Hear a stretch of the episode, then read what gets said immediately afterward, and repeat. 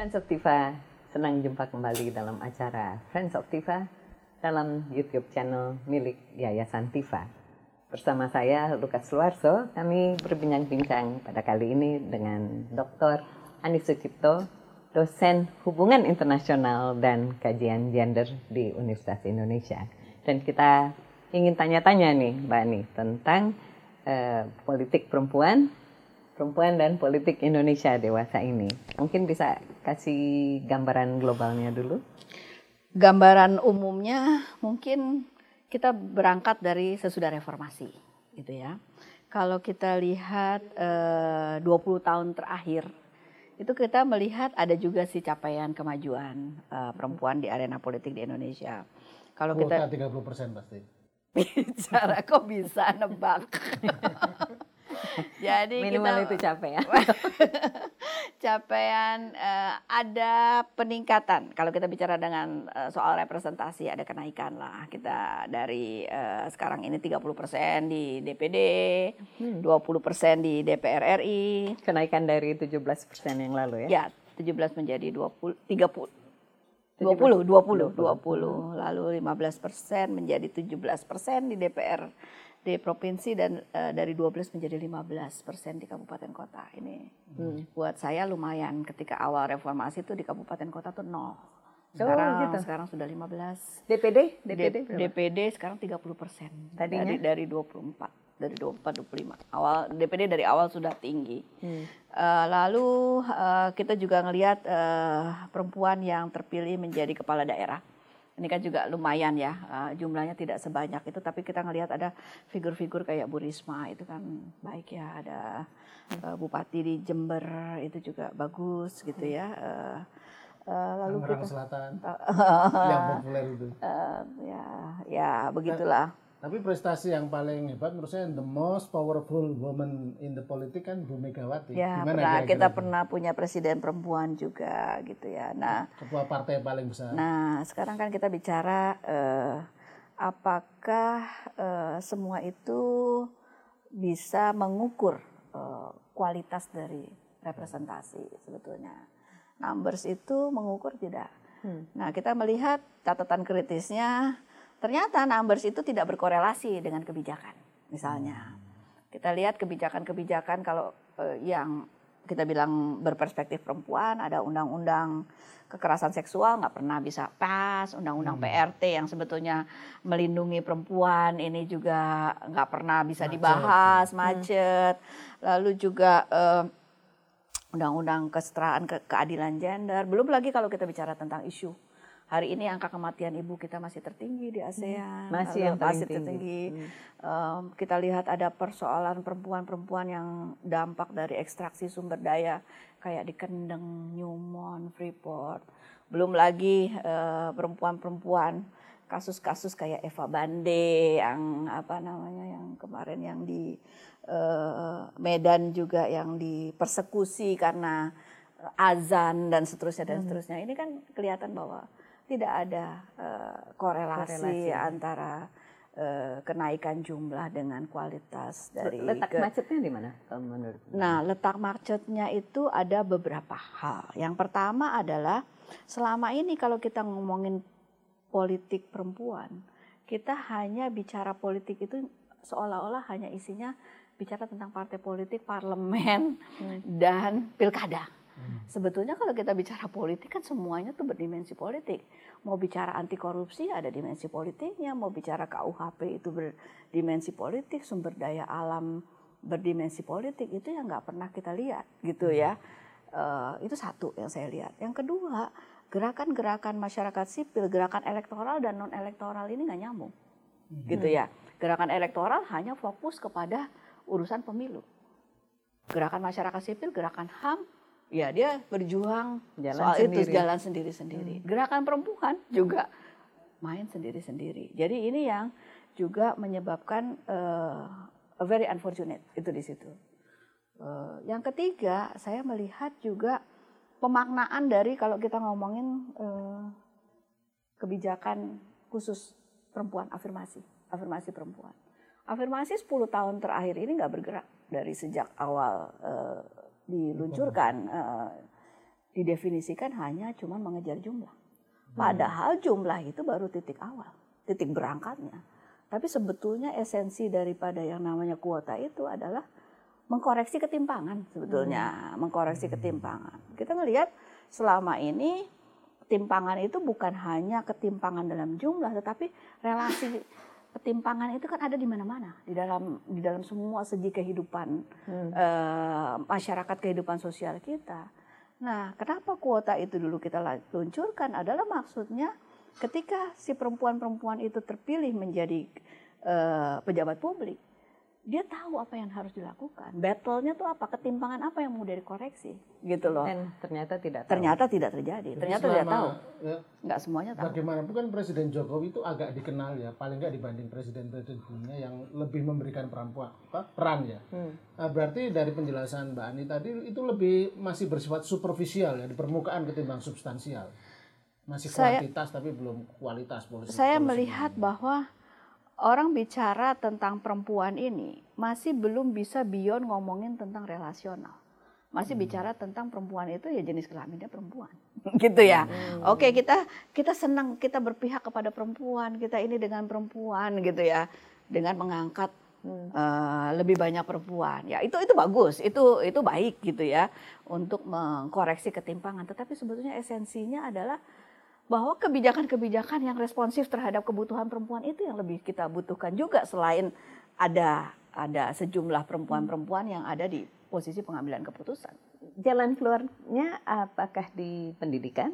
apa eh, awareness tentang gender ini harus dari sejak dini atau kita harus pilih orang-orang yang meskipun laki ber, berjenis kelamin laki tapi dia lebih gender aware ketimbang sosok perempuan yang biologis atau bagaimana? Atau juga sebenarnya Kementerian Pemberdayaan Perempuan nah, itu apa? Apa perannya? Ini jawabannya banyak banget.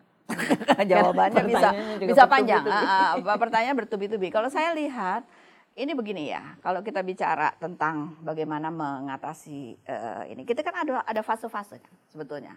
Fase pertama adalah pengenalan tentang tadi.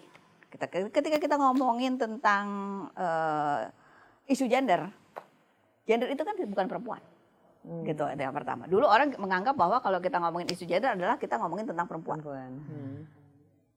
Kita edukasi, kita oh gender itu bukan perempuan, gender itu adalah relasional, relasi laki dan perempuan. Ketika ngomongin relasi ketimbang uh, relasi itu ada relasi yang tidak setara, makanya kita perlu ada koreksi.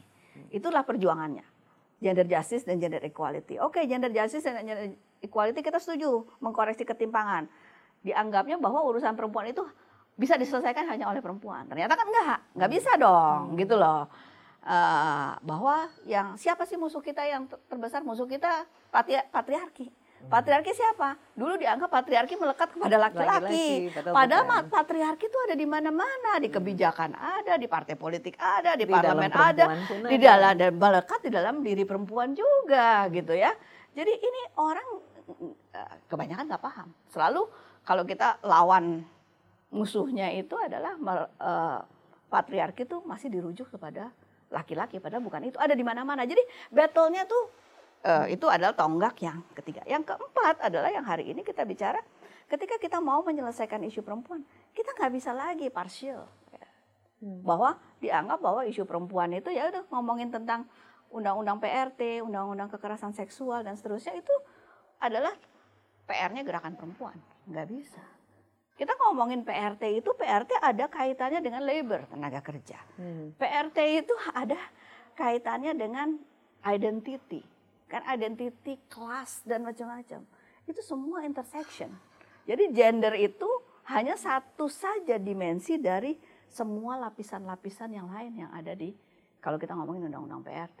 Hmm. Hari ini ketika kita ngomongin kekerasan seksual, itu dianggap bahwa itu hanya tugasnya battle-nya gerakan perempuan. Tetapi sekarang ngomongin undang-undang kekerasan seksual kan menjadi ada dibunyikan dalam narasi agama juga. Iya. Yeah. Gitu kan.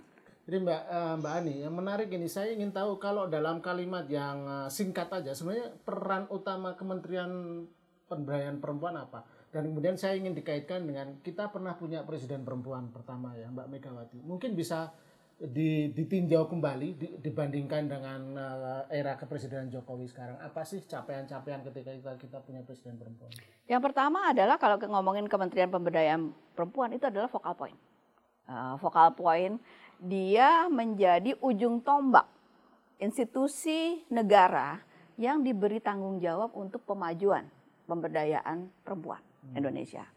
Nah, sebagai ujung tombak yang namanya Kementerian Pemberdayaan Perempuan, dia itu seharusnya tidak bekerja sendirian. Dia punya harus bersinergi dengan yang namanya Komnas Perempuan. Dia bersinergi dengan gerakan sosi gerakan perempuan begitu ya. Jadi eh, dia adalah merep- kalau dia tugasnya adalah pemajuan perempuan bukan berarti dia hanya menjadi alat dari eksekutif Kementerian Pemberdayaan Perempuan. Kita cara pandang kita melihatnya seperti itu seharusnya gitu ya.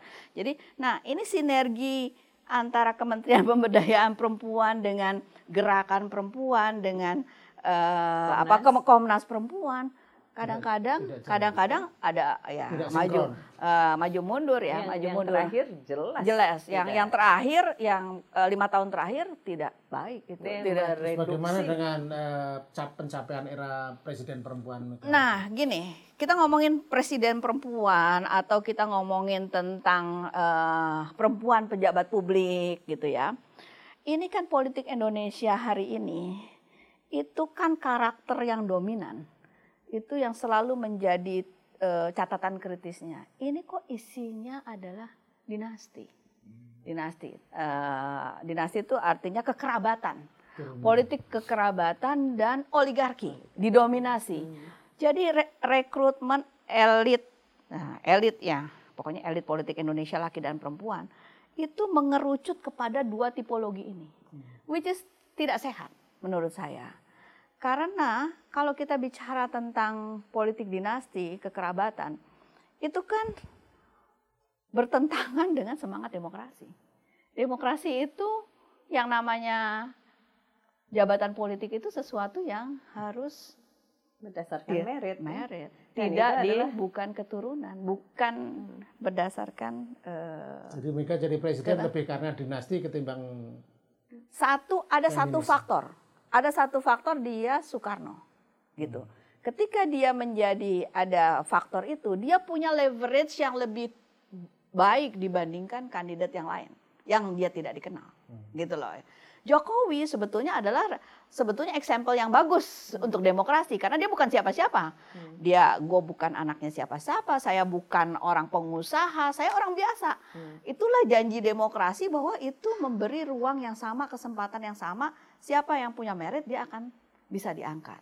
Gitu ya. Itu janji. Tapi yang terjadi adalah hari ini kita melihat bahwa kayaknya kok susah banget ini memotong yang namanya eh, politik dinasti. politik dinasti ini gitu ya tali temalinya kalau dulu politik dinasti itu hanya ber berkelindan dengan keluarga-keluarga tertentu hari ini dinasti politik itu punya kaitan dengan ekonomi ya, oligarki. Jadi saling menguatkan gitu. Atau jadi demo- menutup.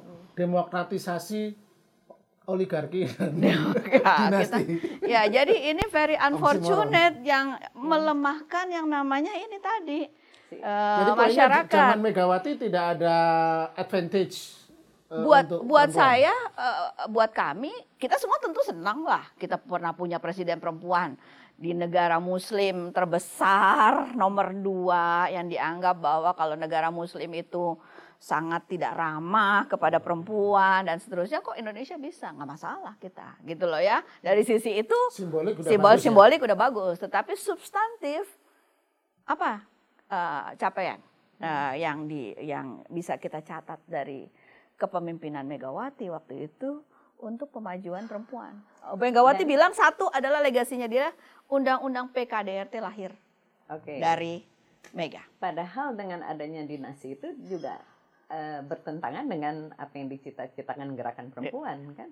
Kan kita Ya. ingin merit, Eko- merit, meritokrasi, eh, op- eh, kesetaraan, eh, keadilan, equality, justice, kesempatan, kesempatan, boleh diraih oleh nah, siapa saja sama. laki dan perempuan sepanjang dia Iya. punya kemampuan. Kemampuan. Jadi kalau pemimpin perempuan entah di parpol atau di pemerintahan kalau itu hasil dinasti sebenarnya tidak tidak sesuai dengan prinsip-prinsip feminisme. Saya Meskipun bukan tidak sesuai dengan prinsip feminisme, tetapi dia tidak berangkat pada level playing field yang, Yang sama. equal. eh, meskipun gitu orang itu ternyata punya kapabilitas, punya kemampuan yang luar biasa. Misalnya kita ambil contoh negeri jiran, misalnya apa putrinya Mahathir Muhammad begitu. Mhm. Tetap Kalau saya eh, saya kok lebih eh, bilang bahwa ya eh, kalau kita mau mau mau apa namanya mau menerapkan prinsip-prinsip demokrasi ya ya eh, sedapat mungkin ya kasih kesempatan yang equal yang sama gitu. Jangan kok kalau udah main kekerabatan tuh eh, apa susah lah. Orang selalu bilang oh saya ikut rule saya ikut saya kan juga kompeten saya kan juga sekolah saya kan juga ikut di dalam kompetisi elektoral saya kan memenangkan. Ya itu semua justifikasi bisa tetapi ketika ketika dia ini dinasti dia sudah levelnya tuh udah nggak sama dengan dengan Mbak Ani bagaimana dengan sosok-sosok populer seperti eh, apa Menteri Kelautan eh, eh, itu dan juga Sri Mulyani, dua sosok yang bukan ya itu dinasti. bukan ya, ya itu itu yang kita mau kapasitas dan Tapi kompetensi mereka mencerminkan pemberdayaan perempuan nggak? Ya saya kira punya prinsip-prinsip itu. Sri Mulyani dan dan Susi kalau ditanya, Garang. Lu, bukan enggak dalam soal garang ada pemihakan. Hmm. Susi dan Sri Mulyani tahu ketika dia menjabat menjadi eh, Menteri Kelautan apa battle gue tuh di mana, apa yang akan saya hadapi. Sri Mulyani kan dengan dia tahu ketimpangannya di mana, gimana ya, apa yang harus saya koreksi itu loh. Iya. Ya, kadang-kadang orang pergi ke menjadi pejabat dia nggak tahu dia mau berbuat apa gitu. Berarti kan dia nggak selama ini nggak punya isu, nggak nggak tahu battlesnya di mana. Kebetulan dua-duanya backgroundnya profesional ya. Profesional dan dia ada pemihakannya dan harus ada berpihak kepada mereka yang marginal, mereka yang lemah, mereka yang tersisi itu kan sebetulnya. Jadi- Kita ada di sana kan untuk itu kan sebetulnya. kembali lagi ke topik kita. Jadi apa lacur Indonesia? Apa yang harus dilakukan Indonesia Dan ke apa depan? peran Tifa? Iya, dan lalu nanti Tifa. Tapi untuk meningkatkan, eh, kan kita sudah memenuhi kuota sebetulnya. Kuota yang Kuota itu dimaknai dengan ta- eh, definisi baru, redefinisi baru. Jangan hanya berhenti kepada Angka. numbers gitu loh ya, tetapi transformasi politics itu yang kita inginkan. Women's transforming politics gitu ya. Tadi mengkoreksi ketimpangan, sadari siapa dia, eh, battlesnya di mana gitu itu satu. Yang kedua adalah eh, eh, ketika saya bilang sekarang kita tadi nggak sempat bilang bahwa sebetulnya yang menjadi ancaman juga buat kita hari ini di Indonesia ada yang saya sangat risaukan adalah polarisasi ini loh. Polarisasi karena menguatnya nilai-nilai konservatisme. Itu juga ada di politik hari ini. Politik perempuan juga terbelah karena itu, karena Termasuk politik karena politik ide- politik identitas identitas juga ini gitu. Ingat waktu pilpres kemarin, Iya. pilkada Jakarta dan hari ini belum sembuh. Orang masih seperti itu. Ada jargon uh, Emak-emak. emak-emak. Politik emak-emak dan ibu bangsa. Lah, sebetulnya kan gerakan perempuan kan harus beyond itu semua, tidak terpolitisasi oleh eh, Jadi ancaman yang lebih besar yang mana ini? Orang tidak sadar mengenai eh, gender itu laki maupun perempuan ataukah eh, kecenderungan yang makin Yang- ya, tajam tentang eh, saya, sa- saya, konservatisme ini? saya bilang ini semua jargon-jargon mereka yang yang politisasi identitas sekarang ini menggunakan jargon-jargon gender juga loh sebetulnya. Iya. Mereka memakai ini juga untuk perjuangan mereka yang juga mengatasnamakan pemberdayaan perempuan, penguatan ekonomi perempuan, ketahanan keluarga kan bahasanya seperti itu. Seolah-olah yang satu lagi yang gender dan feminisme itu tidak setuju dengan ketahanan keluarga, tidak setuju dengan pemberdayaan perempuan. Jadi ini politik binary ini juga dimainkan. Padahal kita ketika kita ngomongin gender and feminism kan kita mau meruntuhkan itu tadi Hanya semuanya. untuk kepentingan politik Eh, sesaat. saat gitu. Kita kan nggak begitu cara melihatnya. Ini yang sekarang terjadi seperti itu Nah, di dalam kesemrautan ini apa peran Yayasan Tifa? Peran Yayasan Tifa toleransi keberagaman diversity demokrasi menjadi sangat relevan menjadi sangat penting dalam periode yang sangat kritikal hari ini di Indonesia gitu loh Hmm. itu yang yang terus harus kita perkuat dan kita battle kita memang betul di situ Ada, ada program khusus yang Mbak Ni lihat yang sudah dikerjakan oleh Sintifa.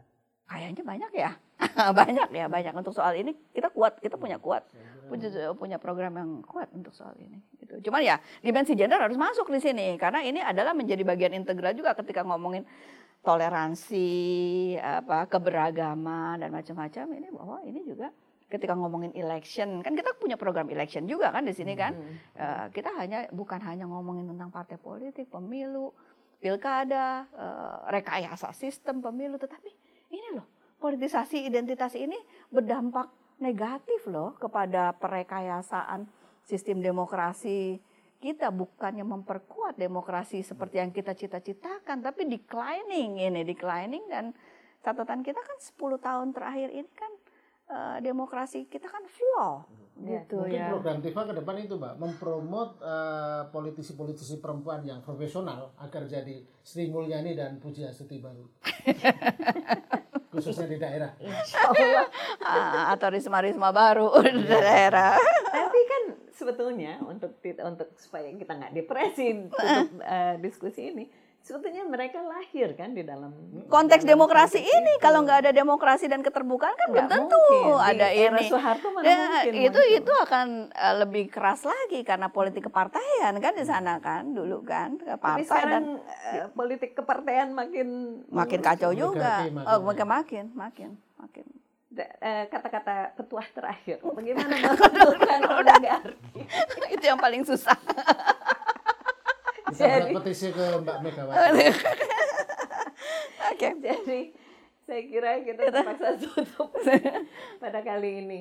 Jadi ditutup oleh kata-kata bijak dari Ibu Ani Sucipto bahwa sebetulnya kita cukup depresi menghadapi kondisi Indonesia, tapi sebetulnya kita ada titik terang ya bahwa demokrasi sudah diletakkan secara baik dan benar di Indonesia. Sayang pelaksanaannya masih masih berapa langkah lagi. Oke, terima kasih banyak Mbak Ani atas eh, waktunya kali ini. Dan saya kira kita tutup ya acaranya Friends of Tifa. Kita sudahi percakapan kita kali ini. Kita akan jumpa kembali dalam YouTube channel Tifa and Friends di lain kesempatan. Salam. Oh ya,